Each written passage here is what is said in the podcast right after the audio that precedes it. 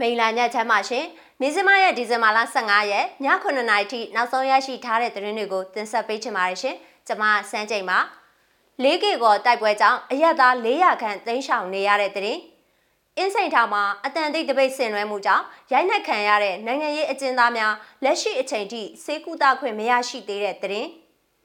FPNCC အဖွဲ့ဝင်များစစ်ကောင်စီနဲ့မိုင်းလာမြို့မှာတွေ့ဆုံနေတဲ့သတင်းအပါအဝင် အင်ဒိုပစိဖိတ်ဒေသတွင်တရုတ်ရဲ့ရန်လိုတဲ့လောက်ရက်တွေကိုအဆုံးသတ်ဖို့ဘလီဂင်တိုက်တွန်းတဲ့သတင်းအစရှိတဲ့ပြည်တွင်းနဲ့နိုင်ငံတကာသတင်းတွေကိုတင်ဆက်ပေးသွားမှာပါရှင်။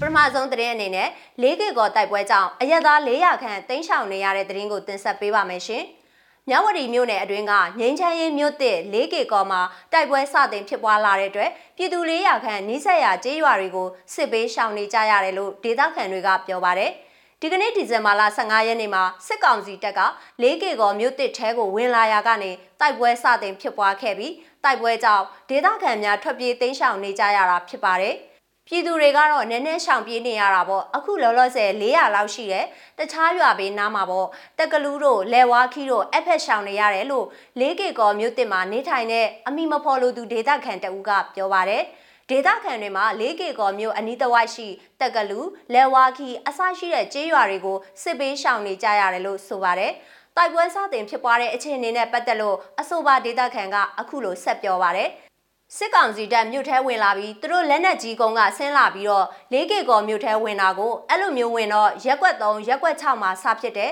10နိုင်ဝင်းကျင်10နိုင်ခွဲလောက်ဖြစ်မယ်လက်ရှိအခြေအနေကတော့လက်နက်ကြီးနဲ့အပြန်လန်ပစ်ကြတာပေါ့အခုတော့ဆက်ဖြစ်တုံးပေါ့လို့ဒီကနေ့မနက်ပိုင်းမှာဖြေကြပါတယ် ဒီနေ့မနက်10:00နာရီခွဲအချိန်ကန်းကစတင်လို့မွန်လွယ်ပိုင်းထိနှစ်ဖက်ကြားတိုက်ပွဲများဆက်လက်ဖြစ်ပွားနေပြီးစစ်ကောင်စီတပ်ဖက်က၄ကီကောမြို့တစ်ရက်ကွက်3နဲ့ရက်ကွက်6ထဲကိုလက်နက်ကြီးတွေနဲ့ပစ်ခတ်နေတယ်လို့မြို့ခံတွေကပြောပါတယ်။ဒါပြင်စစ်ကောင်စီဖက်မှ၄ကီကောမြို့တစ်ဖက်ကိုစစ်အင်အားဖြည့်သိမ်းမှုတွေရှိနေတဲ့အတွက်တိုက်ပွဲများမှာပြင်းထန်စွာဆက်လက်ဖြစ်ပွားနိုင်တဲ့အခြေအနေအောက်မှာရှိနေတယ်လို့ဒေသခံတွေကပြောပါတယ်။ မနေ့ကဒီဇင်ဘာလ14ရက်နေ့ကစစ်ကောင်စီတပ်ဖွဲ့က၄ကီကောမြို့တစ်ထဲကိုဝင်ရောက်စစ်ဆေးမှုတွေလှုပ်ဆောင်ပြီးလွှတ်တော်ကိုယ်စားလှယ်တဦးအပါအဝင်လူဦးရေ23ဦးကိုဖမ်းဆီးခေါ်ဆောင်သွားတယ်လို့သိရပါဗျ။ဒီလိုဖမ်းဆီးခေါ်ဆောင်သွားပြီးနောက်ဒီနေ့ဒီဇင်ဘာလ15ရက်နေ့မှာစစ်ကောင်စီတပ်များ၄ကီကောမြို့တစ်ထဲကိုပြည်သူ့ကာကွယ်ရေးတပ်ဖွဲ့ PDF တွေကိုဝင်ရောက်ရှာဖွေတဲ့ဆိုပြီးထပ်မံဝင်ရောက်လာရာကနေတိုက်ပွဲတွေစတင်ဖြစ်ပွားခဲ့တာဖြစ်တယ်လို့ဒေသခံတွေက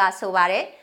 စစ်ကောင်စီကလည်းသူတို့ PDF ရှိတယ်လို့ယူဆလို့သူတို့လာပြီးဝင်ပြီးတော့စစ်ဆေးမှုတွေလုပ်တာကိုတစ်ဖက်ကလည်း KNU ရဲ့ထိထုံနယ်မြေလို့ပြောလို့ရတယ်လေဆိုတော့တစ်ဖက်ကလည်းလက်နက်ကင်တာဆိုတော့လေဒီလိုခဏခဏဝင်စစ်တော့လေအခြေအနေကတင်းမာတယ်လို့ဖြစ်သွားတာပေါ့တင်းမာတော့အခုတော့ပြစ်ခတ်မှုတော့ဖြစ်သွားတာပေါ့လို့ဒေသခံတွေကဆိုပါတယ် လေးကေကောမြို့တင်မှာအုံဖြန့်နို့ဖိုးမဲလာအစရှိတဲ့ဒုက္ခတဲ့စခန်းတွေကဒုက္ခတဲ့တွေဖလူးဒေတာအတွင်းက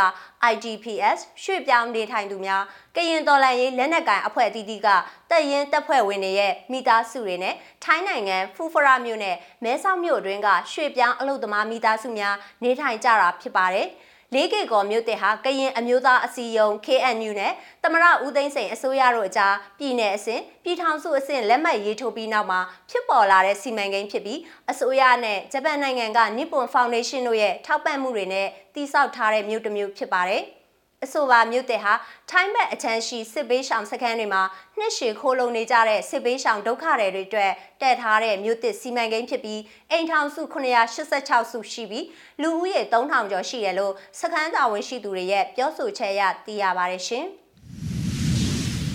အင်းစိန်ထောင်မှာရိုက်နှက်ခံရတဲ့နိုင်ငံရေးအကျဉ်းသားများလက်ရှိချိန်ထိစေကူတာခွင့်မရရှိသေးတဲ့သတင်းကိုလည်းတင်ဆက်ပေးချင်ပါတယ်ရှင်။ အင်းစိန်ထောင်တွင်ဒီဇင်ဘာလ10ရက်ကအတန်တိတ်တပိတ်ဆင်နွှဲမှုကြောင့်ပြင်းပြင်းထန်ထန်ရိုက်နှက်ခံရတဲ့နိုင်ငံရေးအကျဉ်းသားများလက်ရှိချိန်ထိစေကူတာခွင့်မရရှိသေးကြောင်းထောင်တွင်တရင်အရင်းမြစ်တွေစီကနေသစဉ်သိရှိထားတယ်လို့နိုင်ငံရေးအကျဉ်းသားဟောင်းများအဖွဲ့ဦးဆောင်ကော်မတီဝင်ဦးထွန်းကြည်ကမြစည်းမကိုပြောပါရယ် နိုင်ငံရေးအကျဉ်းသားများစေဝါကုသခွင့်မရရှိဘဲရိုက်နှက်ခံထားရတဲ့ဒဏ်ရာတွေကြောင့်တေဆုံးခဲ့ပါက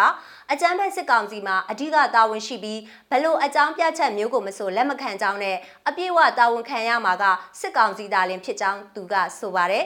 စေကူတာမှုမပေးတဲ့အတွက်ကြောင့်အထူးဆိုးရိမ်မကင်းဖြစ်မိတဲ့ဒဏ်ရာအနာတရရထားတဲ့လူတွေကိုစေယုံတင်ပြီးစေကူတာခွင့်မခံရရင်ဖြစ်ပေါ်လာမယ့်အကျိုးဆက်တွေကအသက်အန္တရာယ်အထိကိုပါစိုးရိမ်မိတယ်။အဲ့အတွက်ကြောင့်ကြာဆုံးခဲ့တဲ့ရဲဘော်တွေရှိလာခဲ့ရရှိသောအကြမ်းဖက်စစ်ကောင်စီပြောနေကြတိုင်းယောဂအခန့်အကြောင်းတို့ကျမ်းမာရေးချိုးသက်လို့ဆိုတဲ့အကြောင်းပြချက်သုံးတရားကိုမှလက်မခံဘူးလို့ဦးထွန်းကြည်ကဆိုပါတယ်။ ဒါပြင်အကျဉ်းထောင်များတွင်ရခင်စစ်အစိုးရအဆက်ဆက်ကျင့်သုံးခဲ့တဲ့လူအခွင့်အရေးချိုးဖောက်တဲ့ပုံစံတွေကိုပြန်လည်အသက်သွင်းနေကြောင်းသိရပါဗျ။ရိုက်နှက်ခံရတဲ့နိုင်ငံရေးအကျဉ်းသားများစေဝါကုသခွင့်ရရှိစေရန်နဲ့အကျဉ်းသားအခွင့်အရေးအပြည့်အဝရရှိစေရေးအတွက်နိုင်ငံတကာကသိရှိစေဖို့ပြည်သူတွေကဖော်ထုတ်ပြောကြားမှုစပစ်ကောက်ပြုလုပ်ကြဖို့လဲဦးထွန်းကြည်ကတိုက်တွန်းပါတယ်။ လက်ရှိမှာဥဆောင်ပါဝင်သူအချို့ကိုတိုက်ပိတ်ထားတယ်ခြေချင်းခတ်ထားတယ်ထောင်ဝင်စာပါဆယ်ပိတ်ထားတယ်ဒီဇင်ဘာ10ရက်နောက်ပိုင်းမှာတင်းကျပ်တဲ့စီမင်းစည်းကမ်းတွေနဲ့ကင်တွယ်လာတယ်နောက်ပြီးထောင်ထဲမှာရှေ့ကြည့်လို့អော်လိုက်တာနဲ့ခေါင်းငုံပြီးထိုင်နေရတဲ့ပုံစံမျိုးတွေကိုပြန်လုပ်လာတယ်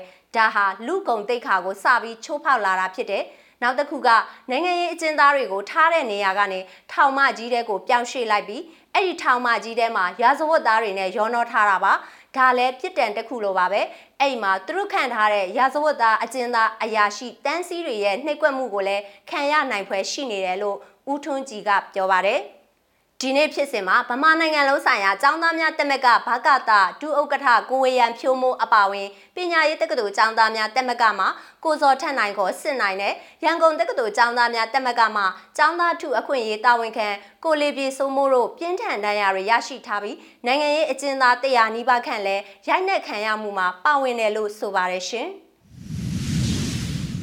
FPNCC အဖွဲ့ဝင်များစစ်ကောင်စီနဲ့မိုင်းလာမြို့မှာတွေ့ဆုံနေတဲ့အကြောင်းကိုလည်းပြောပြချင်ပါတယ်။ တိုင်းရင်းသားလက်နက်ကိုင်ခုနှစ်ဖွဲ့ပေါင်းစည်းထားတဲ့ပြည်ထောင်စုနိုင်ငံရေးဆွေးနွေးညှိနှိုင်းမှုကော်မတီ FPNCC နဲ့စစ်ကောင်စီတို့ရှမ်းပြည်နယ်အရှေ့ပိုင်းမိုင်းလာအထူးဒေသမိုင်းလာမြို့မှာဒီကနေ့ဒီဇင်ဘာလ15ရက်မှာတွေ့ဆုံဆွေးနွေးနေကြောင်း FPNCC နဲ့နှိစက်တဲ့သတင်းရင်းမြစ်ကပြောပါရယ်ခုနှစ်ဖွဲ့မှာတစ်ဖွဲ့မပါဘူးပြည်ထောင်စုနဲ့အခမ်းအနားဖိတ်ဖို့လို့တော့ကြားတယ်အသေးစိတ်တော့မသိရသေးဘူးလို့အဆိုပါသတင်းရင်းမြစ်ကပြောပါတယ် မတက်ရောက်ပဲကြံရစ်ခဲ့တဲ့အဖွဲ့မှာကချင်လွတ်လပ်ရေးအဖွဲ့ KIO KIA ဖြစ်ကြောင်းတခြားသတင်းရင်းမြစ်တအူးကပြောပါရယ်အခုသိဆုံမှုနဲ့ပတ်သက်လို့ FPNCC ဥစားအဖွဲ့ဝပြည်သွေးစည်းညီညွတ်ရေးပါတီ UWSA ပြောရေးဆိုခွင့်ရှိသူဦးညီရန်ကိုဆက်သွယ်မေးမြန်းခဲ့ပေမဲ့လည်းဆက်သွယ်လို့မရခဲ့ပါဘူး။မိုင်းလာမြို့နယ်ပြည်သူတအုပ်ကလည်းမနေ့ကဒီဇင်ဘာလ14ရက်ညကတည်းကစစ်ကောင်စီတပ်ဖွဲ့ဝင်တွေမိုင်းလာမြို့ကိုရောက်ရှိနေကြောင်းနဲ့ မြို့တွင်လုံခြုံရေးများတိုးမြင့်ချထားကြောင်းအတည်ပြုပြောဆိုပါရယ်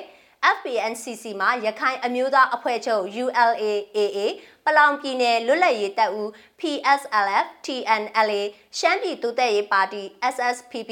SSA ဝပြည်သွေးစည်းညီညွတ်ရေးပါတီ UWSP UWSA ရှမ်းပြည်အရှေ့ပိုင်းငင်းချမ်းရေးနဲ့စီလုံးရေးကော်မတီ PSC NDAA ကချင်လွတ်လပ်ရေးအဖွဲ့ KIO KIA နဲ့မြန်မာနိုင်ငံလူမျိုးစုများဒီမိုကရေစီမဟာမိတ်တပ်ပေါင်းစု MNDAA တို့ပါဝင်ပါတယ်ရှင်။နိုင်ငံတကာဘက်မှာတော့အင်ဒိုပစိဖိတ်ဒေသတွင်တရုတ်ရဲ့ရန်လိုတဲ့လောက်ရက်တွေကိုအဆုံးသတ်ဖို့ဘလီကင်တိုက်တွန်းတဲ့သတင်းကိုကြည့်ရှုနားဆင်ကြရအောင်ပါရှင်။ American နိုင်ငံသားရေးဝန်ကြီး Anthony Blinken ကဘေကျင်းကိုစန့်ကျင်တဲ့မဟာမိတ်တွေအားကောင်းဖို့ဝါရှင်တန်ရဲ့ကြိုးပမ်းမှုအဖြစ် အင်ဒိုပစိဖိတ်ဒေသအတွင်းရန်လိုတဲ့လုပ်ရက်တွေကိုရပ်တန့်ဖို့ဒီဇင်ဘာလ14ရက်အင်ကာနေ့ကတရုတ်ကိုတိုက်တွန်းလိုက်ပါတယ်။ American သမ္မတဂျိုးဘိုင်ဒန်ရဲ့အုပ်ချုပ်ရေးရန်တရားဟာဒေါ်နယ်ထရန့်ခေတ်ကတုံလုတ်ဖွယ်ရာမှန်းဆမရတဲ့ဖြစ်စဉ်အပြီးအာရှမှာ၎င်းရဲ့ဩဇာလွှမ်းမိုးမှုကို ပြန်လည်အတည်ပြုနိုင်ဖို့ကြိုးပမ်းနေပါတယ်။မကြသေးမီလများအတွင်းအမေရိကန်ကြီးတန်းအရာရှိတို့ရဲ့ဒေတာရင်းသို့နောက်ဆုံးလာရောက်မှုအဖြစ်အရှိတောင်အာရှခီးစဉ်ရဲ့ပထမအကြော့ဖြစ်တဲ့အင်ဒိုနီးရှားကိုဘလင်ကန်လာရောက်စဉ်မှာအခုလိုပြောကြားလိုက်ခြင်းဖြစ်ပါတယ်။အင်ဒိုပစိဖိတ်ဒေသသို့အမေရိကန်ရဲ့ချင်းကပ်မှုကိုအလေးပေးဖော်ပြလိုတဲ့အမှာဘလင်ကန်ကဝါရှင်တန်အနေနဲ့လှုပ်ထုံးလုံသည့်အခြေခံအမိန့်တွေကိုကာကွယ်ဖို့နဲ့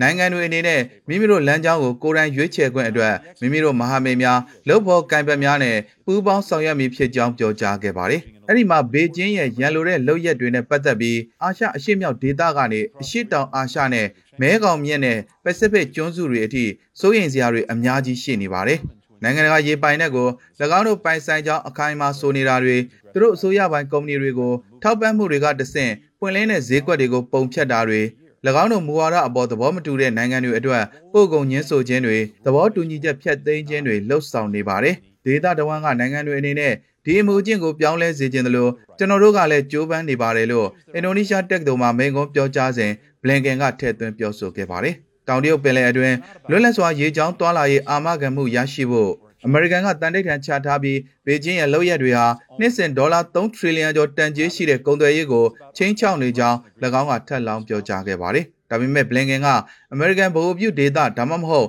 တရုတ်ဗဟိုပြုဒေသဖော်ဆောင်မှုအတွက်ပြိုင်ဆိုင်မှုမဟုတ်ဘဲအင်ဒိုပစိဖိတ်ဒေသဟာဒေသရင်းနိုင်ငံတွေရဲ့ကိုယ်ပိုင်ဒေသဖြစ်တယ်လို့လည်းအလေးပေးပြောကြားခဲ့ပြီးဒီနေရာမှာဝါရှင်တန်အနေနဲ့ပဋိပက္ခကိုရှောင်ရှားလိုတယ်လို့ဆိုပါတယ် မင်းစမရဲ့ဒီဇင်ဘာလ15ရက်ည9:00နာရီထိနောက်ဆုံးရရှိထားတဲ့သတင်းတွေကိုတင်ဆက်ပေးခဲ့တာပါကြည့်ရှုအားပေးတဲ့အတွက်ကျေးဇူးအထူးတင်ရှိပါတယ်မြန်မာပြည်သူတွေဘေးရန်တွေအပေါင်းကကင်းဝေးကြပါစေရှင်